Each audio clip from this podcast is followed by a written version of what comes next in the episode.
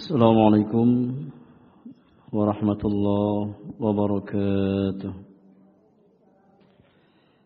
إن الحمد لله نحمده ونستعينه ونستغفره ونعوذ بالله من شرور أنفسنا وسيئات أعمالنا. من يهده الله فلا مضل له ومن يضلله فلا هادي له. أشهد أن لا إله إلا الله وحده لا شريك له وأشهد أن محمدا عبده ورسوله لا نبي بعده. يا أيها الذين آمنوا اتقوا الله حق تقاته ولا تموتن إلا وأنتم مسلمون.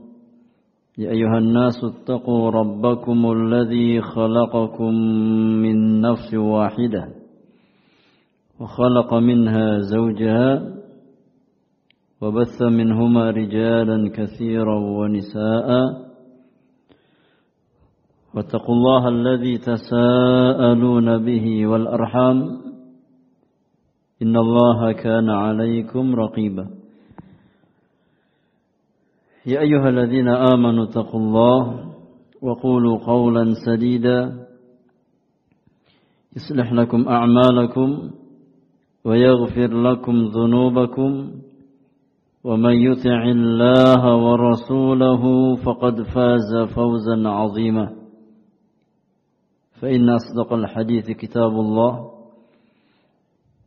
وخير الهدي هدي نبينا محمد صلى الله عليه وسلم وشر الأمور محدثاتها وكل محدثة بدعة وكل بدعة ضلالة وكل ضلالة في النار. أما بعد أخواتي في الله rahimakunallahu ajma'in. Jemaah sekalian kaum muslimat yang semoga dirahmati oleh Allah Subhanahu wa taala. Yang pertama kita bersyukur kepada Allah Subhanahu wa taala atas semua limpahan karunia dan kenikmatan yang Allah berikan kepada kita semuanya.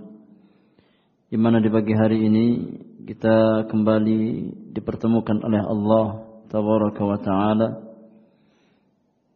Di tempat yang mulia ini dalam rangka bertaqarrub mendekatkan diri kepada Allah Subhanahu wa taala dengan satu ibadah yang memiliki nilai yang sangat mulia di hadapan Allah Subhanahu wa taala yaitu ibadah yang bernama talabul ilmi syar'i mempelajari ilmu agama, mempelajari petunjuk Allah Subhanahu wa taala.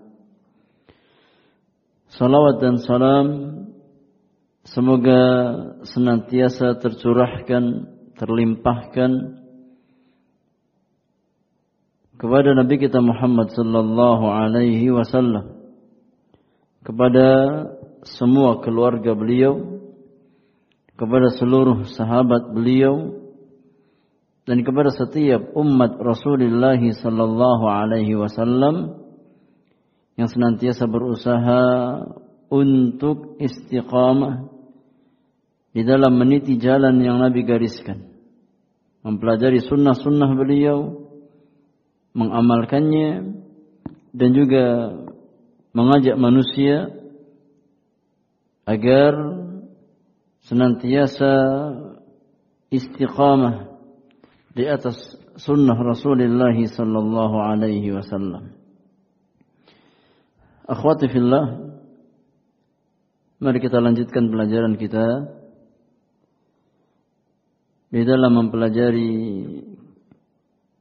risalah al-usul al-thalathah atau tiga landasan utama yang wajib diketahui oleh setiap muslim dan muslimah. Pada pertemuan yang lalu setelah kita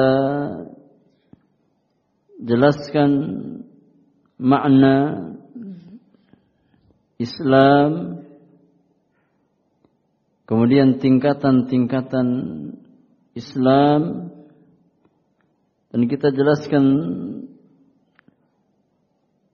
makna syahadat an la ilaha illallah.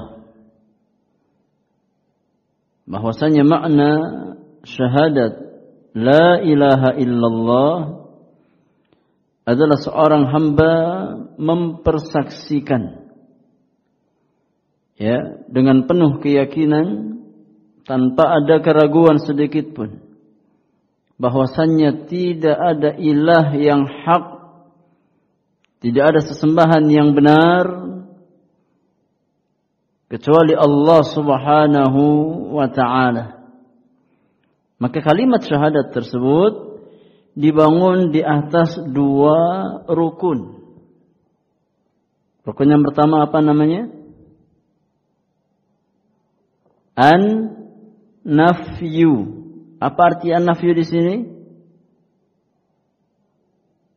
Menafikan atau meniadakan iya, hak peribadatan dari selain Allah Subhanahu wa taala. Ya, kita wajib menafikan bahwasannya tidak ada yang berhak untuk diibadahi ya di alam semesta ini kecuali Allah Subhanahu wa taala. Kemudian rukun syahadat la ilaha illallah. Yang kedua apa? Al-ithbatu. Apa arti al-ithbat? Menetapkan ya bahwasannya hak peribadatan itu semata-mata hanya milik Allah Subhanahu wa taala. Ya, itu makna dan dua rukun dari kalimat syahadat Allah ilaha illallah. Maka di pagi hari ini kita masuk sisi yang kedua dari dua kalimat syahadat. Yaitu syahadatu anna Muhammadan Rasulullah sallallahu alaihi wasallam. Mempersaksikan bahwasannya Muhammad bin Abdullah adalah seorang hamba dan utusan Allah Subhanahu wa taala. Ini sisi yang kedua dari dua kalimat syahadat. Ya. Sisi yang kedua dari dua kalimat syahadat. Syahadatu anna Muhammadan Rasulullah. Berkata penulis rahimahullahu taala wa dalilu syahadati anna Muhammadan Rasulullah qauluhu ta'ala. Adapun dalil syahadat anna Muhammadan Rasulullah maka di antaranya adalah firman Allah tabaraka wa taala di dalam surat At-Taubah ayat yang ke-128. At-Taubah 128. Jadi firman Allah tabaraka wa taala لقد جاءكم رسول من أنفسكم عزيز عليه ما عنتم حريص عليكم بالمؤمنين رؤوف رحيم.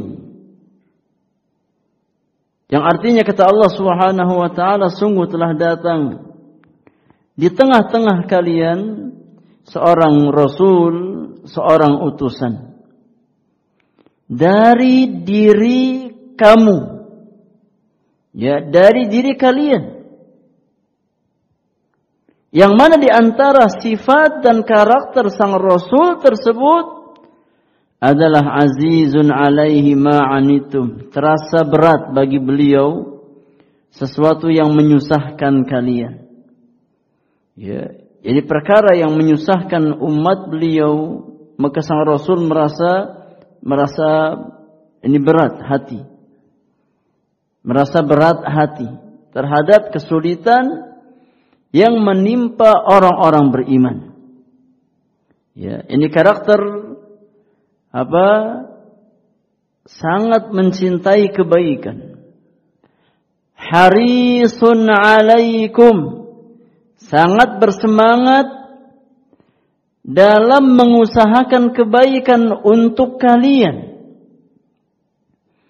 Bil mu'minina raufur rahim. Ya.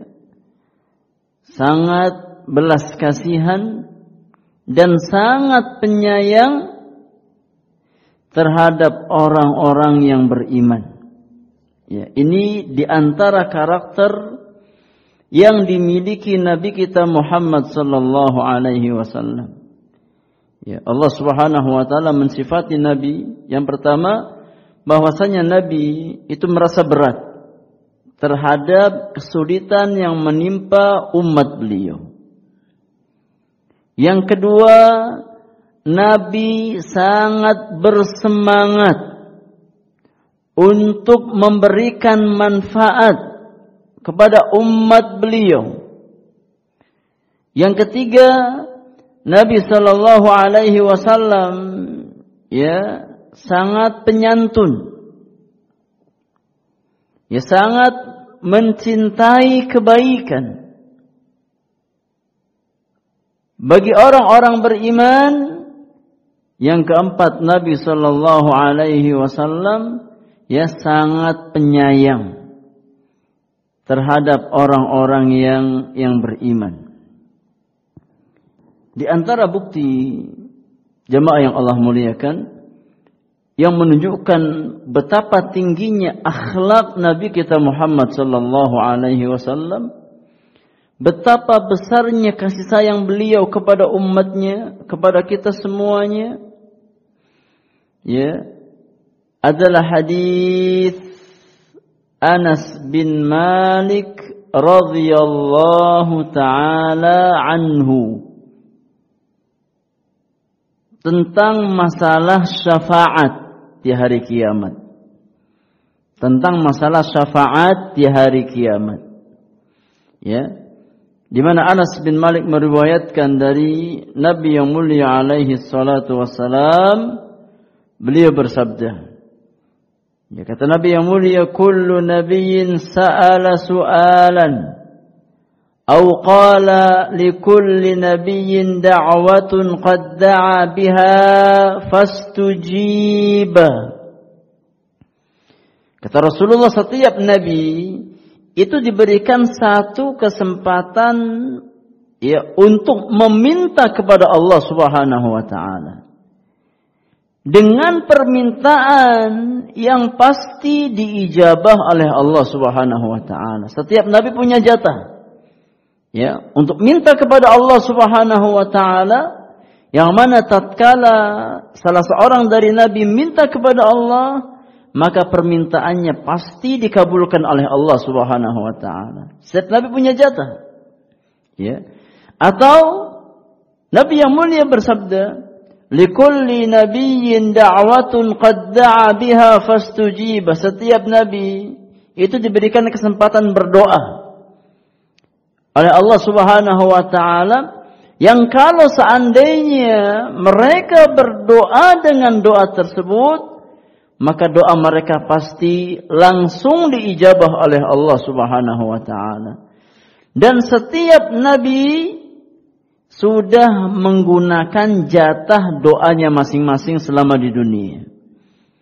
Ya masing-masing di antara para nabi dan rasul yang diberikan jatah untuk berdoa kepada Allah dan doanya pasti dikabulkan, minta kepada Allah permintaannya pasti dikabulkan. Ternyata tidak ada seorang pun nabi melainkan telah menggunakan jatah doanya.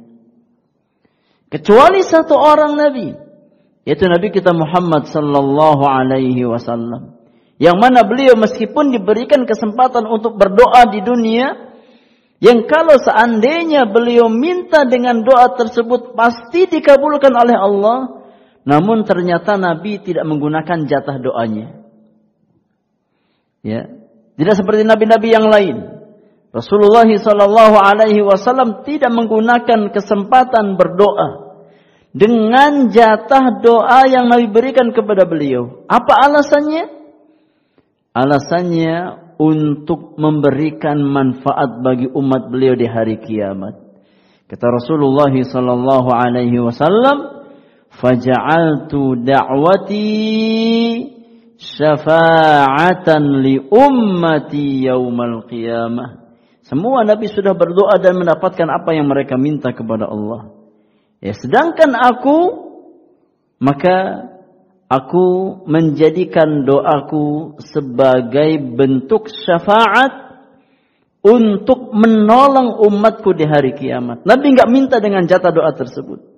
Nabi simpan, ya. Nabi tidak segerakan di dunia.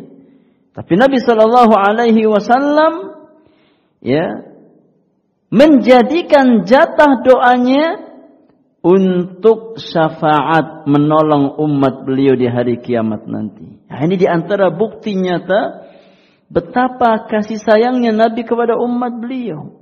Dalam sebagian riwayat disebutkan, ya, fa innaha nailatun insyaallah man mata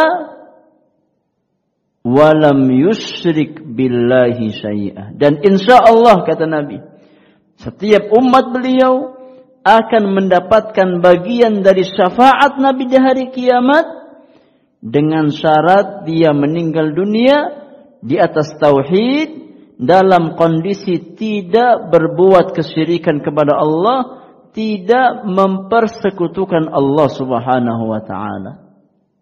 Setiap umat Nabi berkesempatan yang sama untuk mendapatkan bagian dari syafaat Rasulullah sallallahu alaihi wasallam dengan satu syarat ya berusaha untuk menjaga tauhidnya agar jangan sampai berbuat dosa syirik kepada Allah Subhanahu wa taala.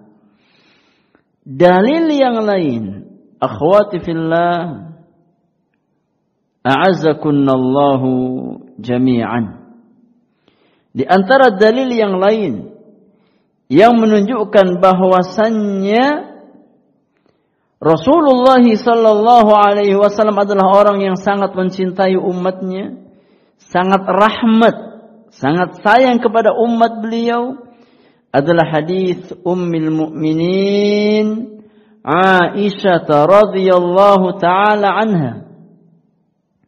Bahwasannya Aisyah pernah berkata, "Ma khayyira Rasulullah sallallahu alaihi wasallam bainal amrayni illa ikhtara aisarahuma ma lam yakun fihi ithmun ma lam yakun fihi ithmun Kata Aisyah radhiyallahu anha, tidaklah Rasulullah sallallahu alaihi wasallam dihadapkan dengan dua pilihan. Ya, tidaklah Nabi yang mulia dihadapkan dengan dua pilihan. Melainkan Nabi yang mulia akan mencari pilihan yang paling ringan di antara keduanya.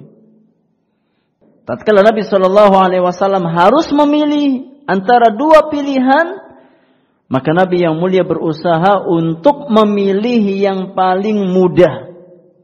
Kenapa yang paling mudah? Agar memudahkan umat beliau. Karena pilihan Nabi itu nantinya akan menjadi syariat.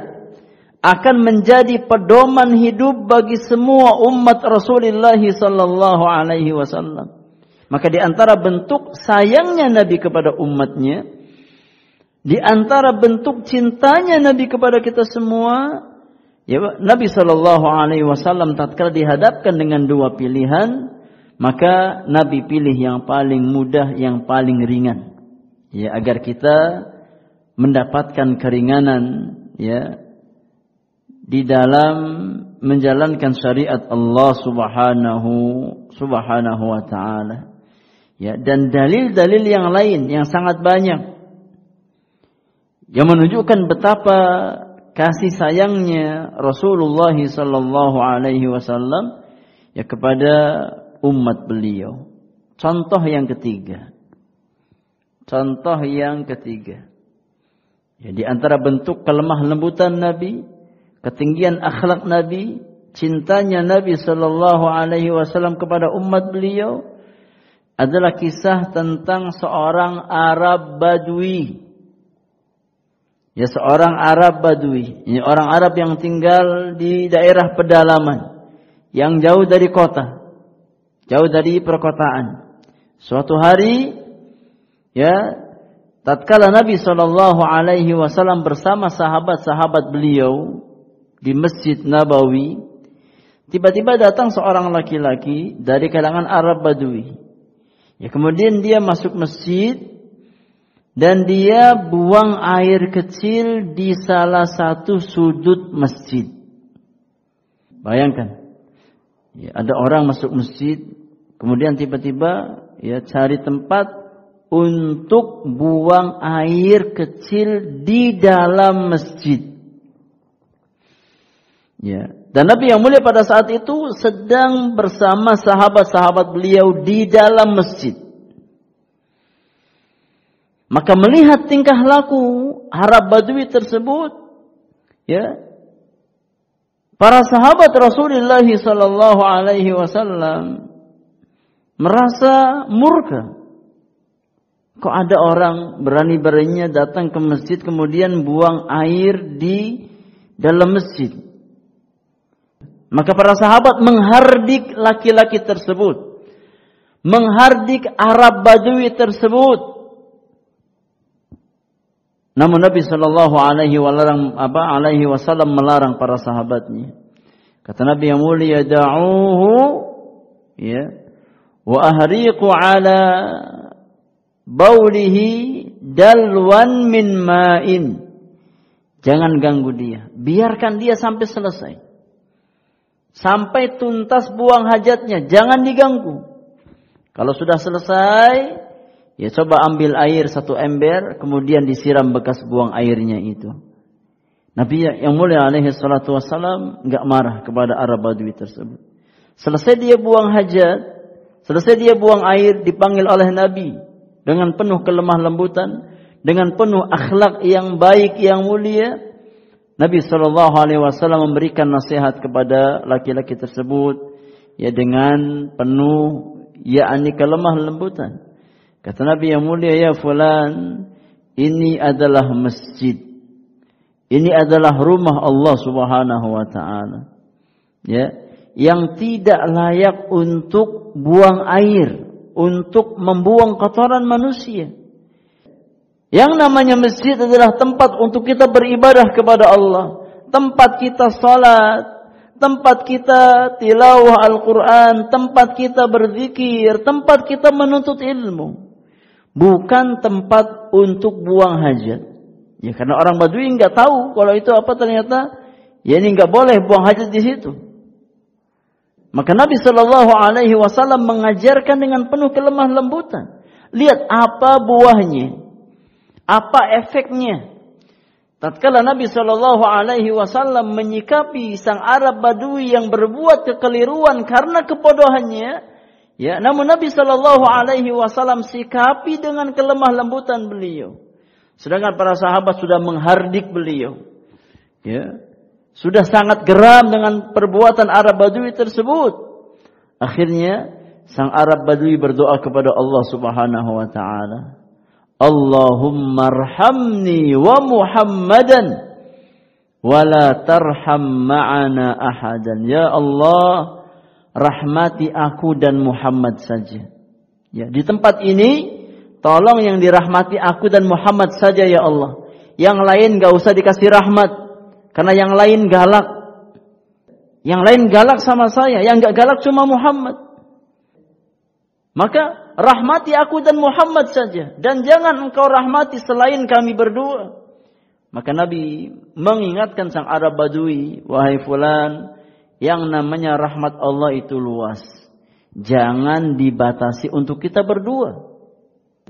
Lihat bagaimana akhlak Nabi Shallallahu Alaihi Wasallam dalam mengajarkan orang yang bodoh, yang tidak tahu, yang jahil.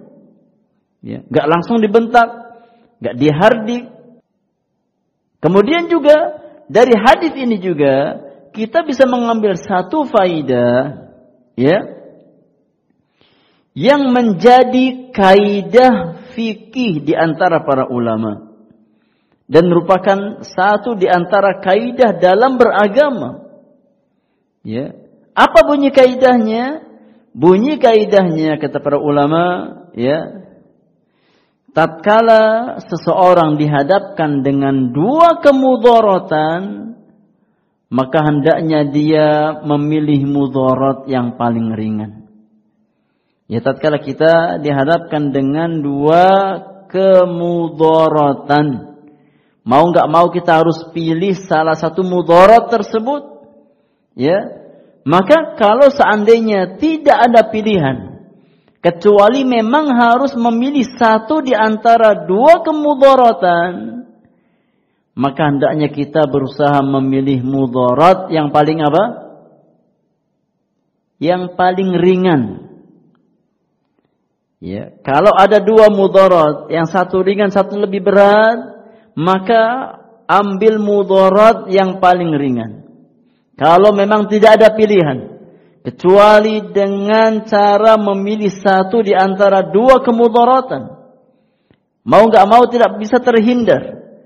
Ya, maka dalam kondisi semacam ini hendaknya kita berusaha untuk mengambil mafsadat yang paling ringan.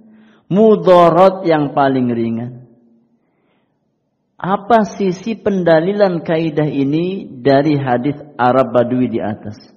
Sisi pendalilannya atau bahasa usul fikihnya wajhul istidlal wajhul istidlalnya sisi pendalilannya ya tatkala Nabi Shallallahu alaihi wasallam memerintahkan para sahabat untuk membiarkan Arab Badui sampai tuntas buang airnya dalam masjid.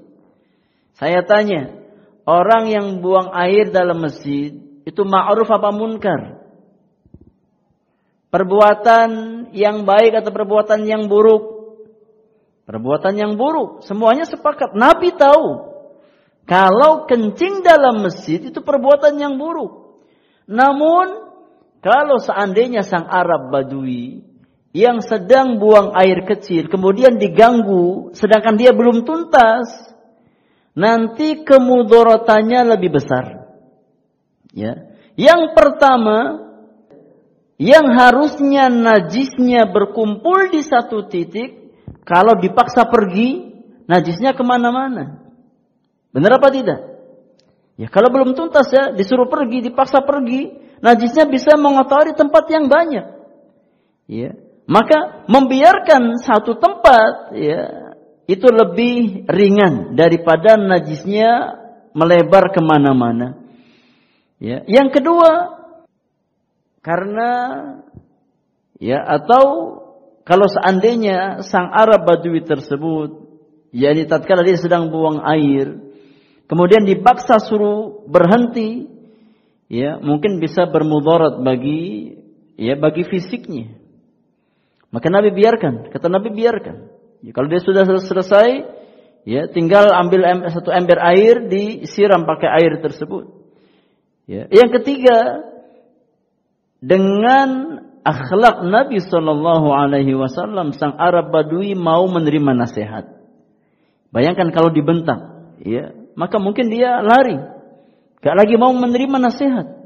Tapi tatkala diajarkan dengan baik, ya diberikan nasihat dengan tutur kata yang lemah lembut, dia pun menerima nasihat Nabi Shallallahu Alaihi Wasallam. Kan itu tabiat manusia. Ya, tatkala kita diberikan nasihat oleh orang lain, tentu kita lebih nyaman tatkala orang tersebut menyampaikan dengan penuh kelemah lembutan, dengan sopan santun, ya, daripada orang yang menasehati orang lain dengan cara-cara yang arogan, dengan cara-cara yang keras, dengan cara-cara yang yang kasar.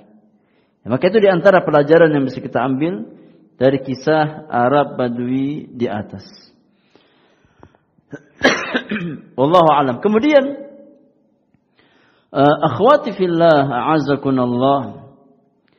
ومعنى شهادة أن محمدا رسول الله طاعته فيما أمر وتصديقه فيما أخبر واجتناب ما عنه نهى وزجر وألا يعبد الله illa bima syara'a. Adapun makna dari syahadat anna Muhammadan Rasulullah. Ya makna tatkala kita bersaksi bahwasanya Muhammad adalah utusan Allah Subhanahu wa taala maka makna syahadat tersebut mengandung empat konsekuensi. Ya, syahadat anna Muhammadan Rasulullah mengandung empat konsekuensi bagi orang yang meyakininya. Ya, melazimkan empat perkara bagi orang yang mengucapkannya. Apa konsekuensi syahadat anna Muhammadan Rasulullah?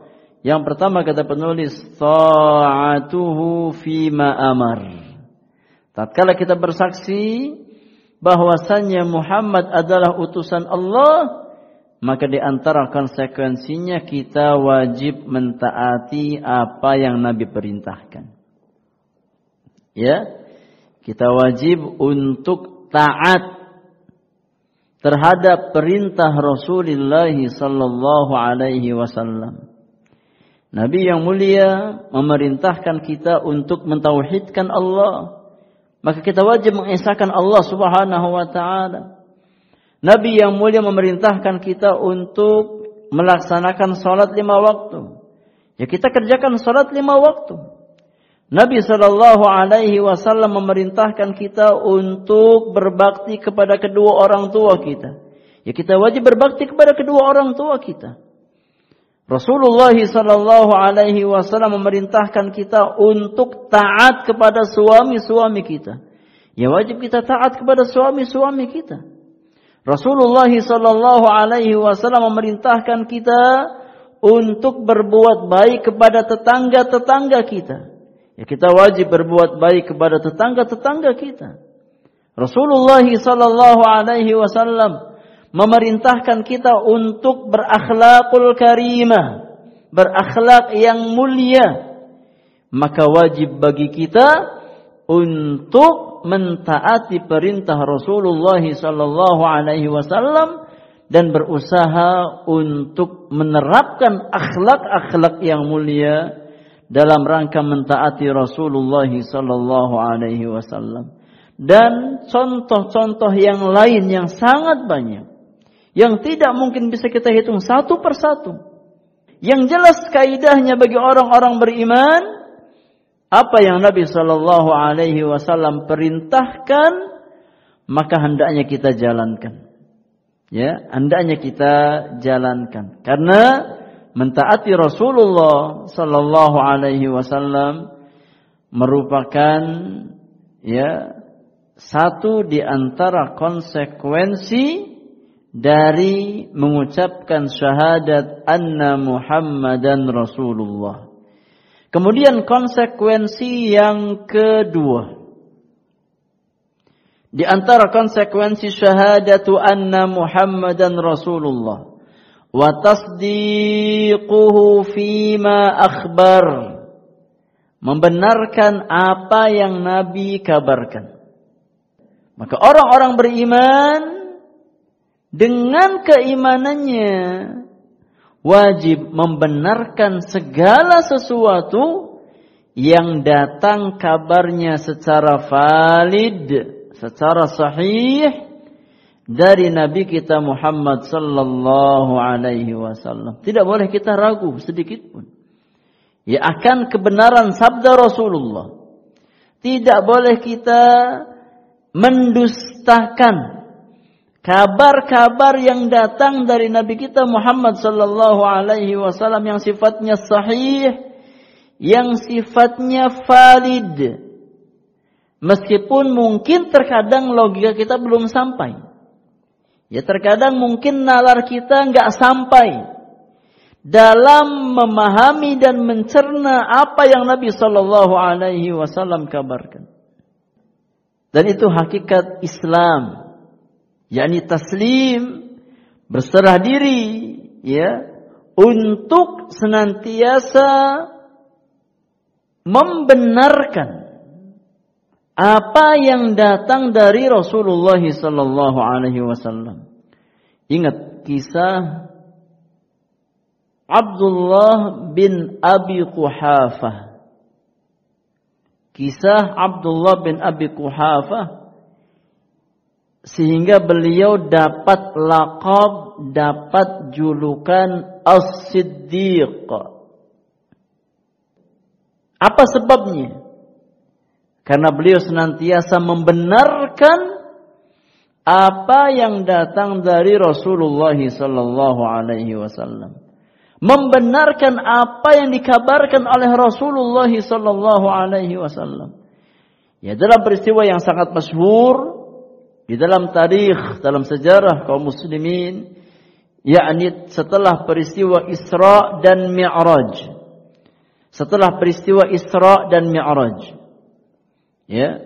Tatkala Nabi sallallahu alaihi wasallam diperjalankan oleh Allah Subhanahu wa taala di malam hari bersama malaikat Jibril ya dengan menaiki ya sebuah kendaraan yang sangat cepat jalannya. Ya secepat kilat. Kendaraan yang bernama Buraq. Di mana Nabi sallallahu alaihi wasallam diperjalankan oleh Allah dari kota Mekah ke mana? Dari Mekah ke mana? Ke Baitul Maqdis di Palestina. Kiblat pertama kaum muslimin.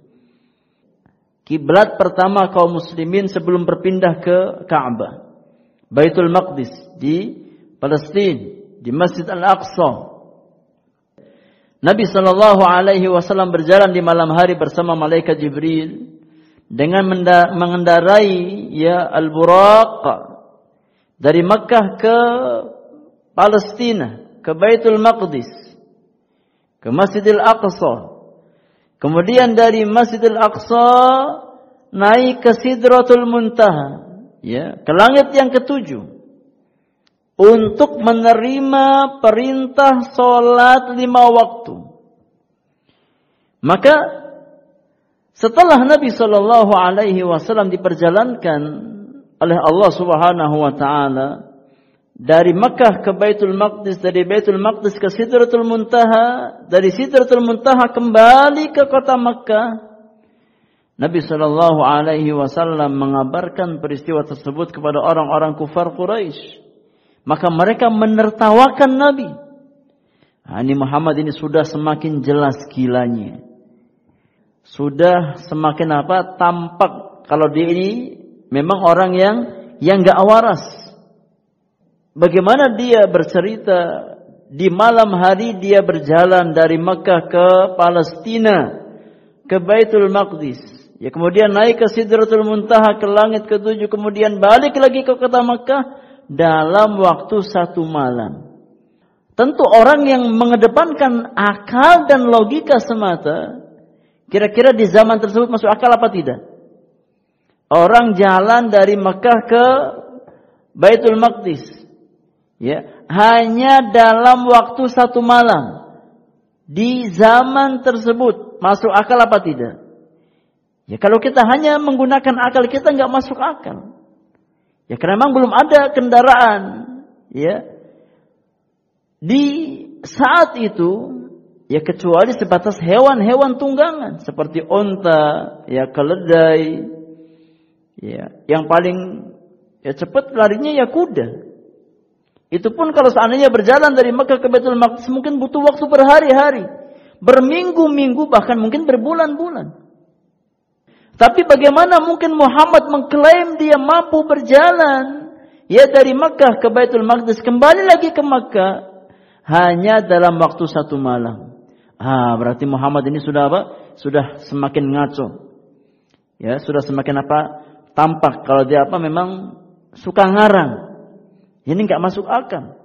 Akhirnya orang-orang kufar Quraisy dengan penuh semangat berapi-api mendatangi sahabat Nabi Abdullah bin Abi Quhafa.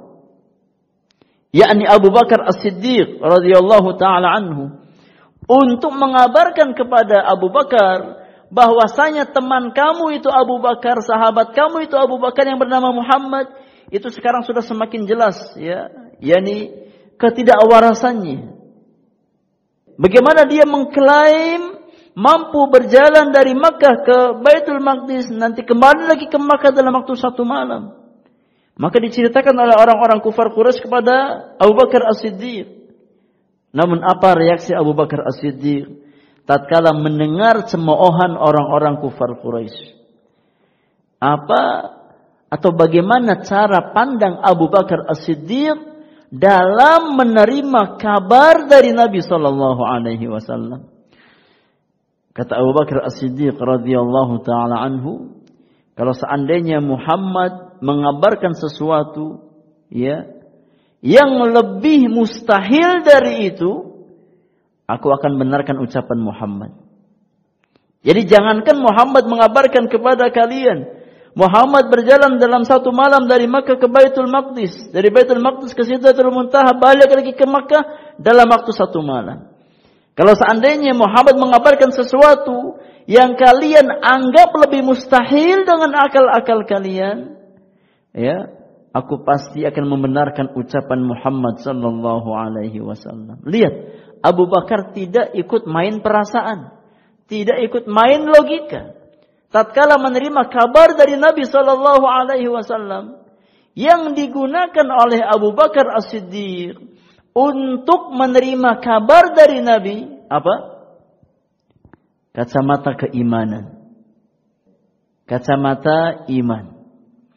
Abu Bakar tidak menggunakan akalnya, logikanya, perasaannya, hawa nafsunya apalagi. Ya, namun Abu Bakar As-Siddiq radhiyallahu taala anhu tatkala mendengarkan satu kabar dari Nabi yang mulia alaihi salatu wasalam, maka dengan serta merta beliau menggunakan kacamata imannya. Oh, yang mengabarkan siapa? Muhammad. Kalau begitu pasti benar. Gak mungkin dusta. Karena Muhammad adalah utusan Allah subhanahu wa ta'ala.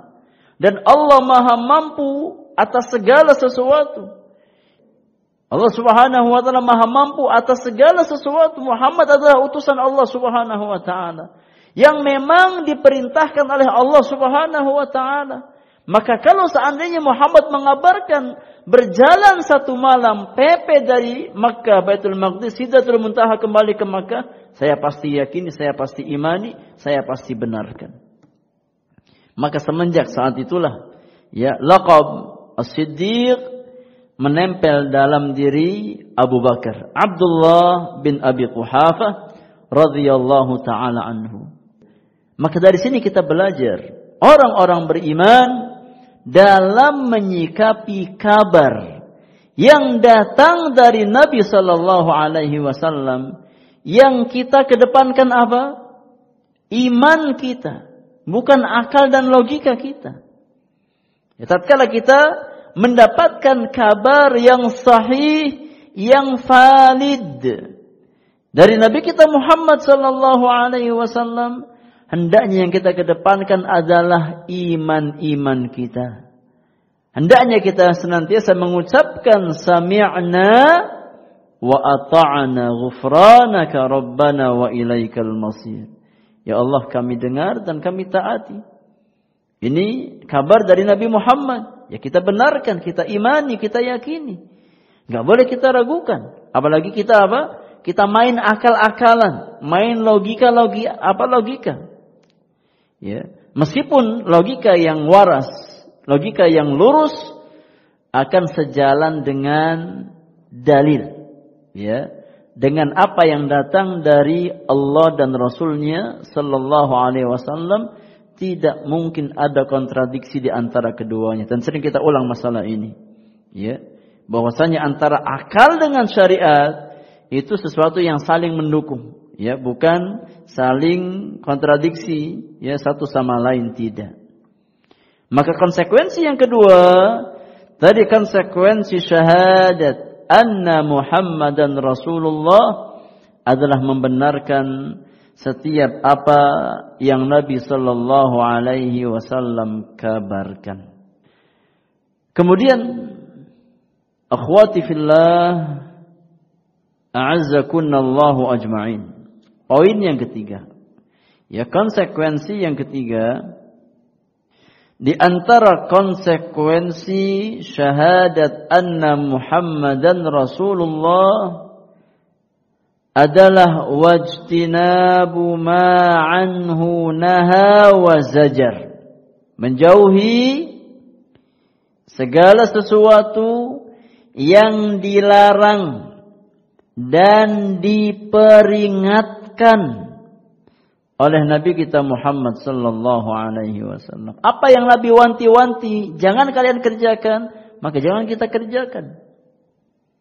Apa yang dilarang oleh Rasulullah sallallahu alaihi wasallam, maka hendaknya kita tinggalkan. Karena itu di antara konsekuensi ya syahadat anna Muhammadan Rasulullah. Tatkala kita meyakini bahwasanya Muhammad adalah utusan Allah Subhanahu wa taala, maka kita wajib untuk menjauhi dan meninggalkan segala perkara yang diwanti-wanti oleh Rasulullah dan yang dilarang oleh Nabi kita Muhammad sallallahu alaihi wa alihi wa sahbihi wasallam. Ya, sebagaimana firman Allah tabaraka wa taala di dalam surat Al-Hasyr ayat yang ke-7. Al-Hasyr ayat yang ke-7.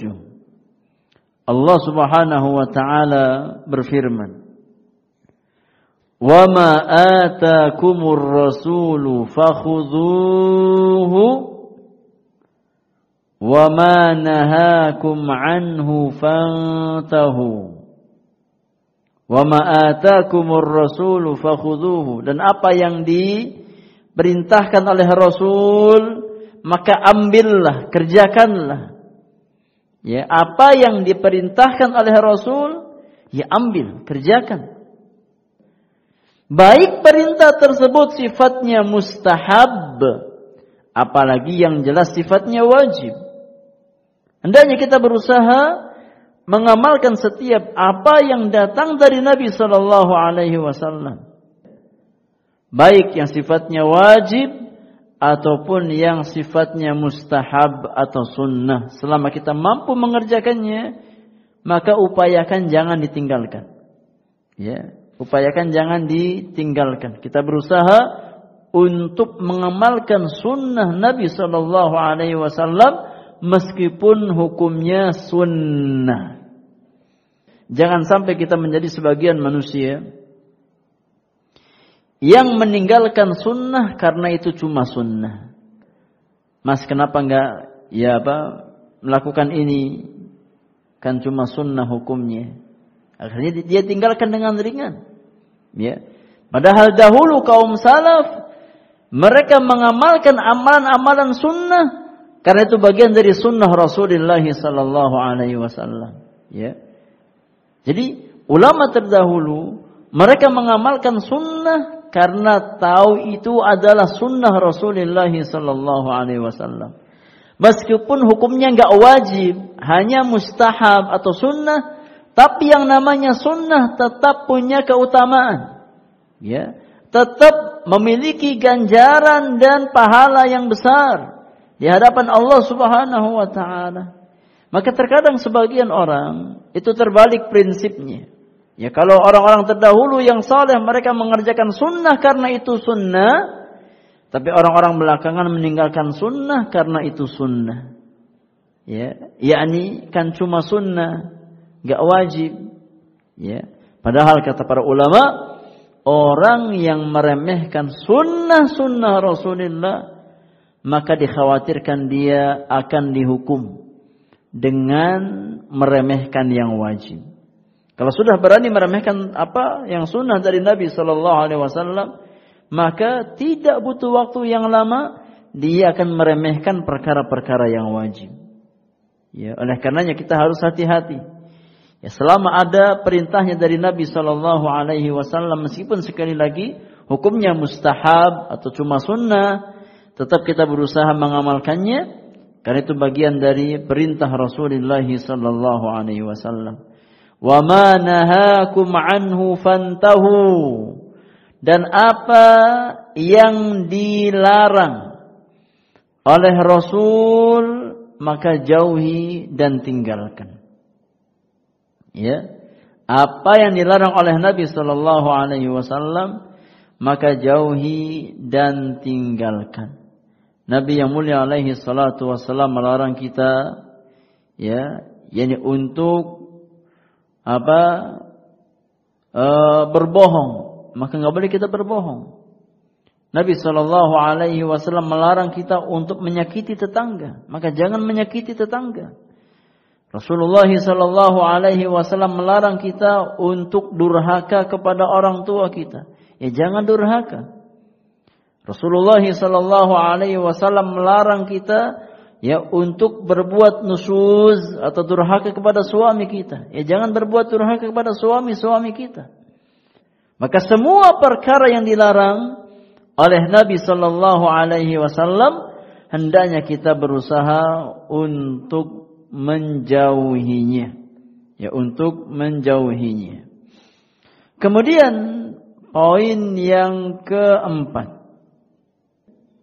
Poin yang keempat di antara konsekuensi syahadat anna Muhammadan Rasulullah. Tatkala kita meyakini, tatkala kita mengikrarkan bahwasanya Muhammad adalah utusan Allah Subhanahu wa taala, maka konsekuensi yang keempat wa alla yu'badallahu illa bima syara'a. Tidak boleh Seseorang beribadah kepada Allah melainkan dengan apa yang beliau syariatkan. Tidak boleh kita mengerjakan amal-amal tertentu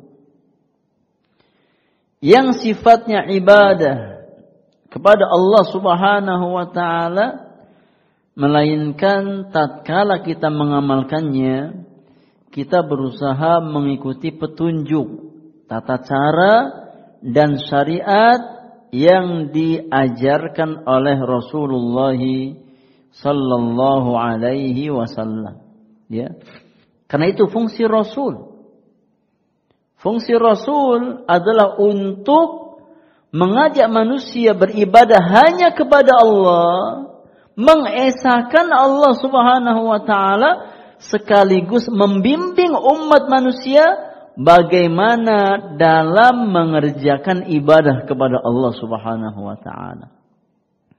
Karena hak mensyariatkan itu hak mutlak milik Allah Subhanahu wa taala. Ya. Makhluk tidak punya hak untuk mensyariatkan sesuatu. Dan Allah Subhanahu wa taala melalui lisan Rasulnya sallallahu alaihi wasallam menjelaskan secara sempurna bagaimana cara kita beribadah kepada Allah Subhanahu wa taala. Maka hendaknya kita berusaha untuk yakni mengerjakan amal-amal saleh, mengerjakan ibadah-ibadah yang sesuai dengan petunjuk yang datang dari Nabi kita Muhammad sallallahu alaihi wasallam posisikan diri-diri kita itu sebagai makmum. Ya, posisikan diri-diri kita sebagai makmum yang di belakang yang berdiri di belakang imam. Yang mengikuti setiap gerakan imam. Yang mencontoh setiap gerakan imam. Ya, maka imam seluruh kaum muslimin siapa? Rasulullah sallallahu alaihi wasallam. Maka hendaknya kita memposisikan diri kita sebagai makmum di belakang Nabi kita Muhammad sallallahu alaihi wasallam. Dan yang namanya makmum secara otomatis wajib manut sama imam. Wajib ikut sama imam. Jangan sampai imamnya baru takbiratul ihram Allahu akbar. Makmumnya sudah ruku. Ya bukan makmum namanya itu. Yang namanya makmum imam takbiratul ihram, makmum juga ikut takbiratul ihram. Ya jangan sampai imam baru ruku, makmumnya sudah sujud. Ya bukan makmum namanya. Atau imam baru sujud, makmum sudah salam. Ya maka nggak sah salatnya. Karena imam itu dijadikan untuk diikuti. Rasulullah sallallahu alaihi wasallam bersabda, "Innama ju'ilal imamu liyutamma bihi." Sesungguhnya imam itu ya dijadikan untuk diikuti, diteladani bagi para makmum, para jamaah. Maka Rasulullah sallallahu alaihi wasallam adalah teladan yang terbaik bagi orang-orang beriman dalam mengerjakan amal kebajikan, dalam beribadah kepada Allah Subhanahu wa taala. Maka sekali lagi, akhwati fillah azakumullah, ya di antara konsekuensi syahadat anna Muhammadan Rasulullah yang keempat, ya bahwasanya kita tidak boleh beribadah kepada Allah mengerjakan amal ibadah, bertakarub kepada Allah, melainkan dengan sesuatu yang datang contohnya, yang datang yakni perintahnya dari Nabi kita Muhammad sallallahu alaihi wasallam. Allah Subhanahu wa taala berfirman, di dalam surat Ali Imran ayat yang ke-31. Ali Imran ayat yang ke-31. Qala Allah Ta'ala Qul in kuntum tuhibbunallaha fattabi'uni yuhibbukumullahu wa yaghfir lakum dhunubakum wallahu ghafurur rahim. Yang artinya kata Allah Subhanahu wa taala katakan wahai Muhammad. Katakan. Ya. Jika sekiranya kamu benar cinta kepada Allah Subhanahu wa taala maka ikutilah aku. Kalau memang klaim cintamu benar, jujur, tulus, kamu cinta kepada Allah Subhanahu wa taala, maka ikuti aku, yakni ikuti syariatku, ikuti jalanku. Yuhibbukumullahu, niscaya Allah akan cinta kepada kamu.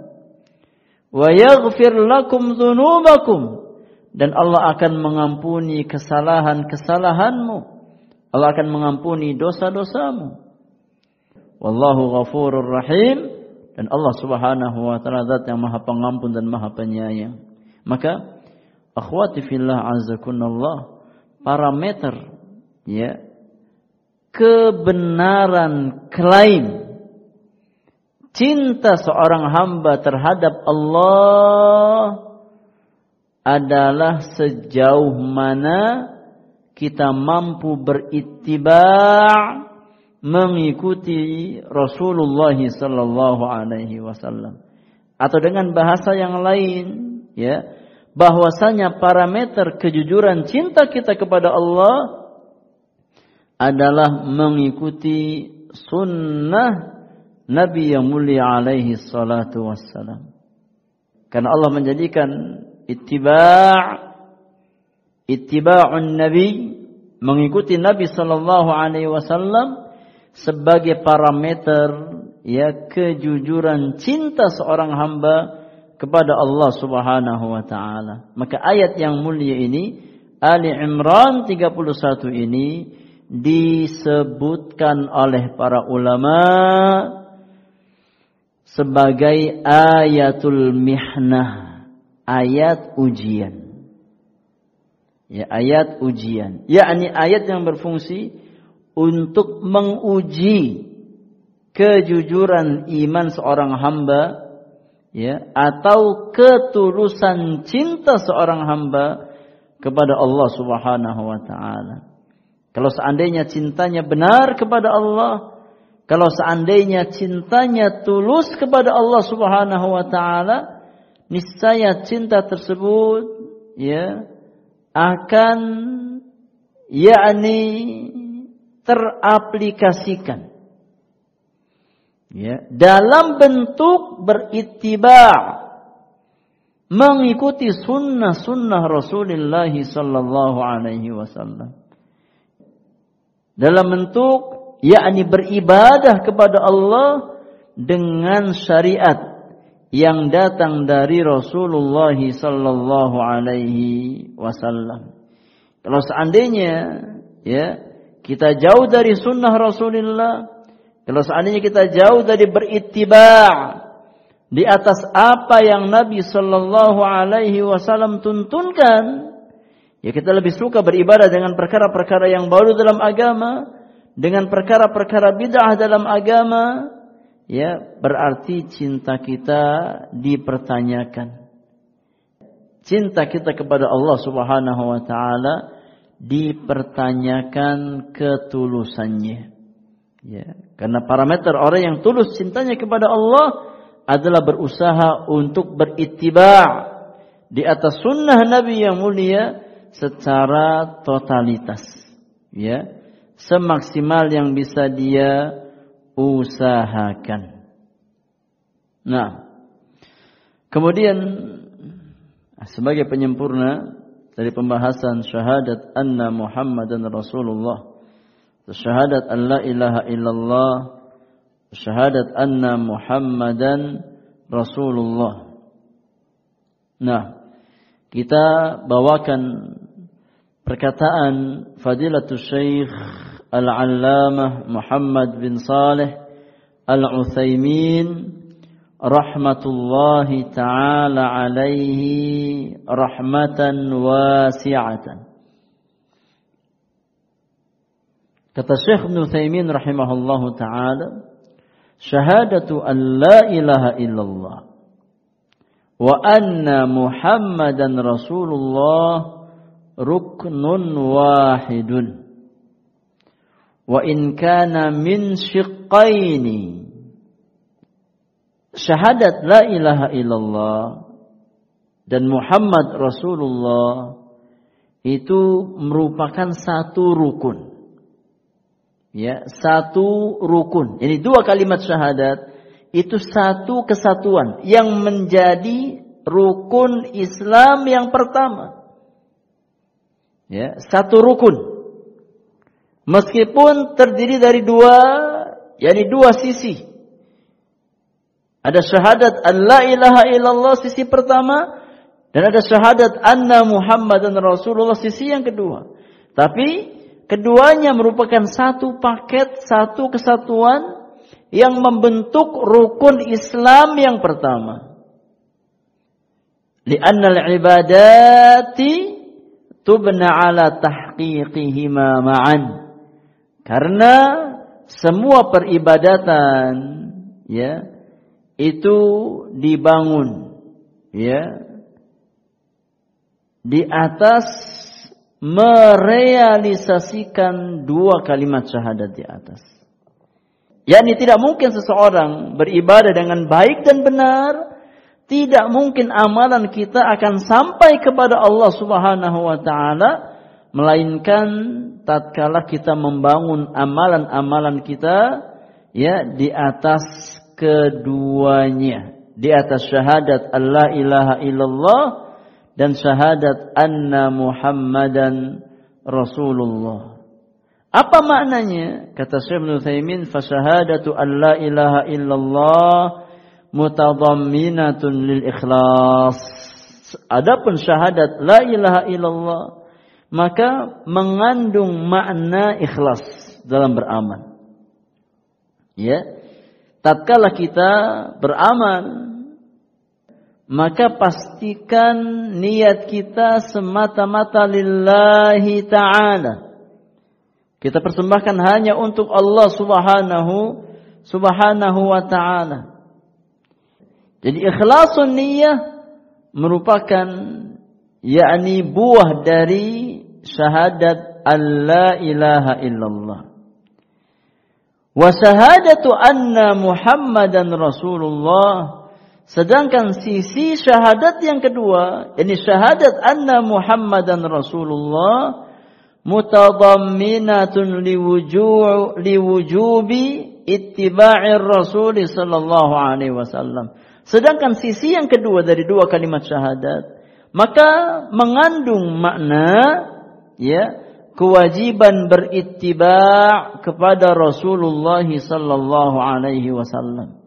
Tatkala kita mengucapkan wa asyhadu anna Muhammadan Rasulullah, ya, maka kita wajib untuk berittiba' ya, untuk mengikuti Rasulullah sallallahu alaihi wasallam. Ya. Wa huma syarta qabulil amal dan keduanya yakni ikhlas dan mutaba'ah merupakan dua syarat diterimanya amalan. Ya, ini kaidah dalam agama kita. Bahwasanya tidak ada amalan yang makbul yang diterima di sisi Allah Subhanahu wa taala kecuali tatkala kita menggabungkan dua perkara dalam amalan kita. Apa dua perkara tersebut?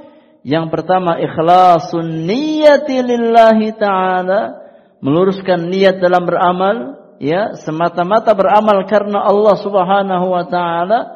Dan syarat yang kedua adalah mutaba'atu hadyi Rasulullah sallallahu alaihi wasallam mengikuti petunjuk dan tuntunan Nabi kita Muhammad sallallahu alaihi wasallam. Kalau seandainya satu dari dua perkara ini hilang dalam amal seorang hamba, imma keikhlasannya yang hilang, imma mutabahnya yang hilang, maka amal tersebut tidak akan sampai kepada Allah Subhanahu wa taala. Maka ikhlas kata para ulama merupakan parameter batin parameter ini kebaikan batin kita. Ya, sedangkan mutaba'ah merupakan parameter zahir, parameter lahiriah. Dalam mengerjakan amal-amal yang kita jadikan sebagai wasilah untuk bertakarrub kepada Allah Subhanahu wa taala, ya. Maka semua amal-amal hamba ditimbang dengan dua hal di atas. Ikhlasnya dan mutaba'ahnya. Ya, terhadap tata cara dan tuntunan yang Nabi sallallahu alaihi wasallam ajarkan. Nah, wallahu taala a'lamu bis-shawab. Ya, dengan demikian telah kita uh, bahas rukun Islam yang pertama yakni dua kalimat syahadat, syahadat Allah ilaha illallah dan syahadat anna Muhammadan Rasulullah. Ya insyaallah kita bahas rukun-rukun Islam yang berikutnya seperti salat, zakat, puasa dan haji di pertemuan yang akan datang. Ya untuk materi pagi hari ini cukup ya sampai pembahasan tentang konsekuensi ya dari syahadat anna Muhammadan Rasulullah bahwasanya Muhammad adalah utusan Allah Subhanahu wa taala. Taib, sebelum kita tasmi' kita beri kesempatan untuk bersoal jawab kalau ada hal-hal yang mungkin kurang difahami, kurang dimengerti, dari apa yang kita sampaikan di kesempatan pagi menjelang siang hari ini. Ya, semoga bermanfaat untuk kita semuanya. Wallahu taala a'lam bissawab. Silakan akhwat kalau ada yang kurang faham, kita beri kesempatan untuk bersoal jawab. Faham semua insyaallah Ibu? Enggak ada pertanyaan ya? Ada? Silakan. Iya. Ustaz, nah. saya pernah menyaksikan seseorang ibu-ibu dari Islam kemudian karena pernikahan hmm. jadi kufur masuk Kristen kemudian di akhir hayat dia mendekatkan diri kepada teman-temannya dan kembali berkeinginan syahadat? Tapi sepertinya terkunci Ustaz. Mulutnya di dalam sakaratul maut itu. Uh. kami membantu membacakannya namun hanya air mata yang keluar Ustaz. Kemudian kita mencoba mentalkinnya, matanya tidak tertutup, mencoba lagi, air mata terus yang keluar. Sepertinya dia ingin mengucapkan tapi sudah terkunci Ustaz. Allah Nah itu kita sebagai yang menyaksikannya ini terus mendoakannya karena kita meyakini dia ingin atau kita Bagaimana mendoakannya itu Ustaz? Nah ini terjadi. Mendoakan maksudnya setelah kematian? Iya. Setelah uh, sebelum mati Ustaz, masih sakaratul Iya, berarti uh, pas pas uh, masih hidup ya. Iya. Mendoakan agar dia mengucapkan kalimat syahadat. Iya, betul. Mm -hmm. Kemudian seperti terkunci tapi belum mati juga Ustaz. masih di ujung-ujung uh, belum meninggal ya. Uh -huh. uh, terus kita terus membantu terus, kemudian satu hari satu malam kemudian baru meninggal Ustaz. Nah, yeah. kita kan dilarang mendoakan kalau dia kafir ya. Betul. Tapi di akhir-akhir itu kita merasakan dia karena sempat terucap sebelumnya saya ingin mengucapkan kalimat syahadat. Tapi di akhir-akhir itu seperti terkunci dan terus kita mendoakan dan ternyata dia belum mengucapkan ya Ustaz. Iya, pertanyaannya? Pertanyaannya bagaimana kita sebagai muslim ini? Apakah dia sudah menjadi muslim kembali, kita mendoakan kebaikan dia diterima amal ibadahnya, tapi kan dia sudah masuk Kristen akhirnya. Barakallahu fiik. Nah, syukran untuk pertanyaannya. Jazakillahu khairan katsira. Kaidah dalam masalah ini apa yang disampaikan oleh para ulama kita bahwasannya nahnu nahkum bidzawahir Wa amma sarairu fa amruha ila Allah azza wa jal. Di dalam masalah muamalah duniawiyah ya maka kita menghukumi pihak lain itu berdasarkan lahiriah dan zahir ya orang tersebut adapun urusan batin ya manusia maka kita kembalikan kepada Allah Subhanahu wa taala. Maka dari kasus ini ya. Tatkala ditanyakan kira-kira fulanah tersebut yang meninggal dunia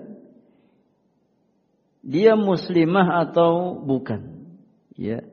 Maka jawabannya kalau seandainya lisannya sama sekali tidak tergerak untuk mengucapkan kalimat syahadat la ilaha illallah ya Muhammad Rasulullah ya maka secara zahir dia meninggal di atas kekufuran kepada Allah naudzubillah ya secara zahir ya karena di antara syarat kita menghukumi orang itu muslim kalau apa dia non muslim asalnya ya maka kita menghukumi seseorang itu muslim kapan? Tatkala dia mengucapkan dua kalimat syahadat. Ya, tatkala dia mengucapkan dengan lisannya dua kalimat syahadat. Ya. Dan diketahui oleh oleh orang lain, oleh saksi. Ya. Maka tatkala orang tersebut sampai akhir hayatnya terkunci lisannya dari mengucapkan dua kalimat syahadat ya maka kita menghukumi sebatas zahir yang kita saksikan. Adapun mungkin dia mungkin apa ada keinginan untuk mengucapkannya, ya. Tapi terkunci lisannya, maka kembalikan kepada Allah Subhanahu wa taala. Allah yang Maha tahu. Jadi dalam masalah muamalah duniawiyah, kita menghukumi seseorang tersebut berdasarkan apa yang kita lihat dari zahirnya. Tatkala zahirnya sama sekali tidak mengucapkan kalimat syahadat, berarti dia belum muslimah. Belum muslimah. Berarti berlaku hukum-hukum ya ya orang yang wafat di atas kekufuran kepada Allah Subhanahu wa taala. Ya. Kecuali memang kita mendengar dia mengucapkan dua kalimat syahadat meskipun apa? Meskipun yakni sangat kecil suaranya. Ya, tapi kalau kita nggak mendengar sama sekali, dan lisannya benar-benar terkunci. Ya, kita hukum sesuai dengan zahirnya. Berarti dia belum dia muslimah, belum masuk kembali ke dalam Islam. Karena dia belum mengucapkan dua kalimat syahadat sampai akhir kehidupannya. Maka ini pun pelajaran buat kita semuanya. Bahwasannya ya terkadang di akhir hayat kita ada keinginan untuk berbuat kebaikan. Dan itu tabiat manusia. Ya. Di akhir hayat, ya, seseorang ingin kembali kepada keimanan kepada Allah. Setelah sebelumnya mungkin dia tergiur dengan fitnah dunia, ya, rela meninggalkan agama Islam, rela keluar dari Islam karena fitnah dunia, ya. Namun di akhir hayatnya timbul kembali keinginan untuk menjadi seorang mukminah. Ya. Namun akhir kehidupan seseorang itu sangat yakni ditentukan dengan proses kehidupannya. Makanya kata al-Imam Al-Hafiz Ibnu Katsir rahimahullahu taala ya man 'asha 'ala syai'in mata 'alaihi wa man mata 'ala syai'in bu'itha 'alaihi Barang siapa yang hidup di atas satu kebiasaan tertentu, maka dia akan diwafatkan di atas kebiasaan tersebut. Ya, dan barang siapa yang diwafatkan dalam kondisi tertentu, ya, maka dia akan dibangkitkan dengan kondisi tersebut. Ya, ini kalau seseorang semasa hidupnya senantiasa ya, yakni meremehkan perkara agama, tidak peduli dengan keimanan. Ya, dia lebih mengutamakan syahwat dunia sehingga rela menjual agamanya. Maka dikhawatirkan di akhir hayatnya Allah tutup dengan kondisi seperti itu. Lisannya ada keinginan. Ya, tapi apa daya lisan kalau seandainya hati sudah terkunci? Ya. Maka yang bisa mungkin hanya mengeluarkan air mata. Ya. Yang mana kalau seandainya nyawa sudah ditenggorokan, ya, maka taubat seorang hamba tidak akan bermanfaat di hadapan Allah Subhanahu wa taala. Maka dari sini kita mengambil pelajaran, mengambil hikmah. Tatkala kita memiliki cita-cita, memiliki harapan, memiliki keinginan untuk diwafatkan di akhir hidup kita di atas husnul khatimah, coba bangun pola hidup yang baik. Ya, karena pola hidup inilah yang sangat menentukan akhir kehidupan kita. Ya, kalau kita ingin diwafatkan oleh Allah di atas akhir kehidupan yang baik, di atas husnul khatimah, ya, maka selagi ada kesempatan, selagi ada peluang untuk berbuat kebaikan, ya maka jangan sia-siakan waktu kita, usia kita untuk membangun pola yang baik. Karena setiap kita akan diwafatkan oleh Allah sesuai dengan pola hidup kita. Tatkala pola hidup kita dari satu ketaatan kepada ketaatan yang lain, ya dari satu ibadah kepada ibadah yang lain. Ya, kita berharap semoga di akhir hayat kita juga demikian. Ya, namun tatkala pola hidup kita dari satu maksiat ke maksiat yang lain, dari satu syahwat ke syahwat yang lain, kita khawatir tatkala Allah Subhanahu wa taala mewafatkan kita ya maka kita wafat di atas pintu-pintu kemaksiatan naudzubillah Meskipun kita ada keinginan untuk bertaubat kepada Allah Subhanahu wa taala, ya. Namun tatkala taubat itu baru muncul tatkala apa? Sakaratul maut. Ya. Maka taubat di saat itu tidak lagi berguna bagi seorang hamba. Nauzubillahi min dzalik. Semoga Allah Subhanahu wa taala memberikan kita taufik dan pertolongan untuk bisa memiliki pola hidup yang baik di atas ketaatan kepada Allah Subhanahu wa taala dan kita memohon semoga kita semua diwafatkan di atas kondisi husnul khatimah dan kita berlindung kepada Allah Subhanahu wa taala dari akhir hidup yang buruk dari akhir hidup yang suul khatimah wallahu taala a'lam bis-shawab satu lagi. Silakan. Berkaitan dengan doa husnul khotimah tadi. Bagaimana hukumnya mendoakan husnul khotimah kepada yang sudah meninggal, tetapi kita tahu jalan hidupnya selama kita berteman. Apakah didoakan sebelum dia meninggal, semoga husnul khotimah? Apa tepatnya setelah dia meninggal, padahal kita tahu karena kita orang terdekatnya gitu Ustaz. Barakallahu fiik. Yani kita doakan rahmat ya untuk Eh, selama dia muslim, selama dia muslimah, wafat di atas iman, di atas Islam, maka nggak ada masalah kita doakan ampunan untuk dia. Kalau seandainya dia pernah berbuat kealpaan semasa hidupnya, ya kita mohonkan ampunan kepada Allah Subhanahu wa taala. Ya, dan kita mohonkan rahmat Allah Subhanahu wa taala. Ya. Kalau memang ya kita ingin mendoakan semoga orang tersebut husnul khatimah nggak ada masalah. Selama memang dia di atas iman, di atas Islam. Ya, karena kita tidak pernah tahu akhir kehidupan seseorang. Ya, bisa jadi yakni rasa sakit yang dia rasakan di akhir hayatnya sebagai penggugur dosa-dosanya. Ya, agar Allah wafatkan dia di atas husnul khatimah. Mungkin seseorang semasa hidupnya dia berbuat keburukan, berbuat kealpaan, berbuat dosa dan maksiat kepada Allah Subhanahu wa taala.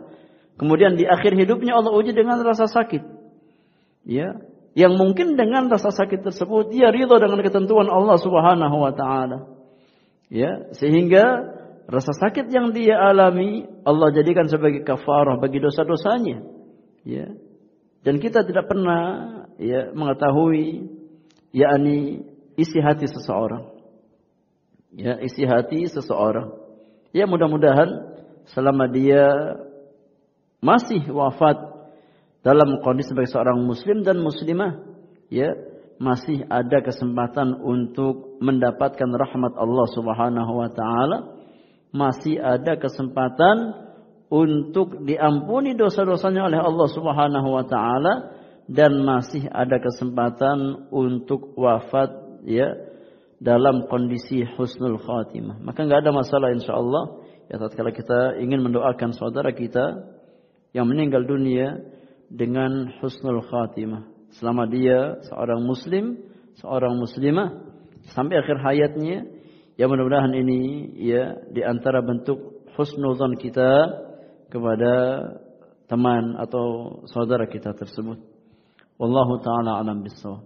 Syukran wa jazakallahu khair. Wa iyyaki. Cukup ya? Baik kita baca untuk tasmi' pekan ini. Untuk tasmi' pekan pekan ini. Taib. Jadi kita baca Istami'na wa radidna ma'i. Dengarkan dan ikuti bersama-sama. Qala al-muallif rahimahullahu ta'ala والدليل قوله تعالى ومن يدعو مع الله إلها آخر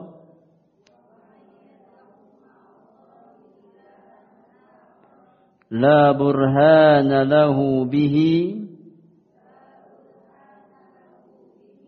فإنما حسابه عند ربه.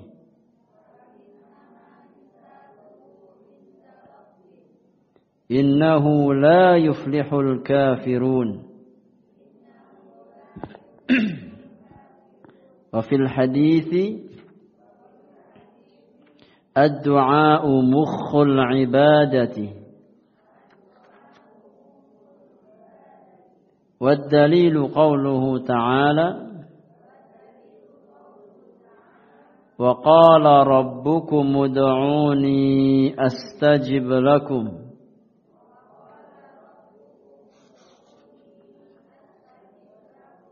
إن الذين يستكبرون عن عبادتي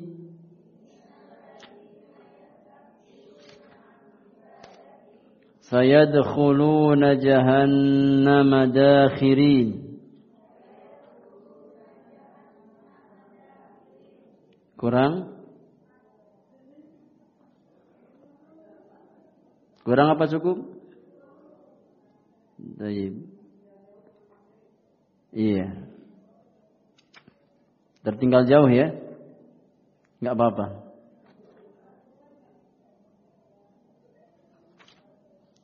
Iya. Soalnya kalau mau digas takut ada yang kaget.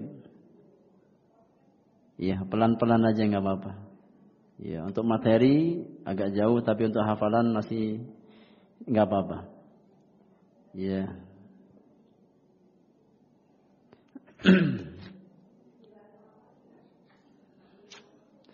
Baik, silakan dibaca dulu Ibu dari perkataan yang kita baca tadi, ya. Silakan. Qala al-muallif rahimahullahu taala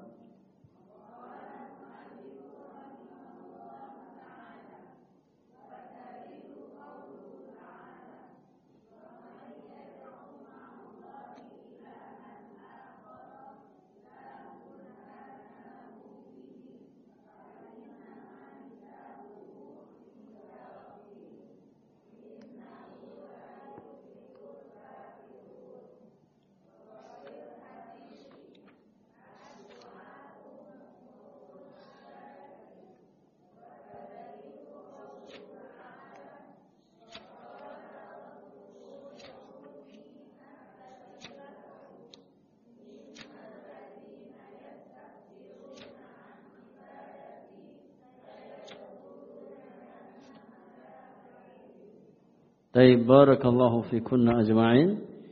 Ya, ini yang untuk ditasmi pekan ini dan jangan lupa karena kita sekarang dari pekan keempat ya. Berarti untuk kuis untuk kuis pekan ini batasannya sampai al-aslul awal ya. Iya, dari awal kitab sampai al-aslul awal. Ya, untuk kuis murojaah pekan ini atau bulan ini ya dari awal sampai al as, uh, apa sebelum al aslusani sampai sebelum al aslusani sampai tentang nazar ya. Terakhir sampai bahasan tentang nazar. Ya sebelum al aslusani sebelum ma'rifatu dinil Islam bil adillah. Ya merajaahnya sampai situ. Sebagaimana kita sepakati untuk ya akhir bulan pekan keempat kuisnya yakni lebih banyak daripada pekan-pekan sebelumnya. Ya. Enggak ada. Enggak ada pekanan tapi langsung masuk ke murojaah. ya. Untuk materi pekan ini nanti kuisnya dibarengkan dengan materi pekan depan. Ya, untuk materi pekan ini kuisnya dibarengkan dengan materi pekan depan insyaallah. Ya, karena kita ingin murojaah dulu ya di akhir bulan. Maka untuk materi pekan ini kita akhirkan dengan materi pekan depan insyaallah taala. Taib Allah taala alam bisawab wa sallallahu ala nabiyyina Muhammadin wa alihi wa sahbihi ajma'in. Wa akhiru da'wana alhamdulillahi rabbil alamin. Subhanakallahumma wa bihamdika asyhadu an la ilaha illa anta astaghfiruka wa atubu ilaik. Warahmatullahi wabarakatuh.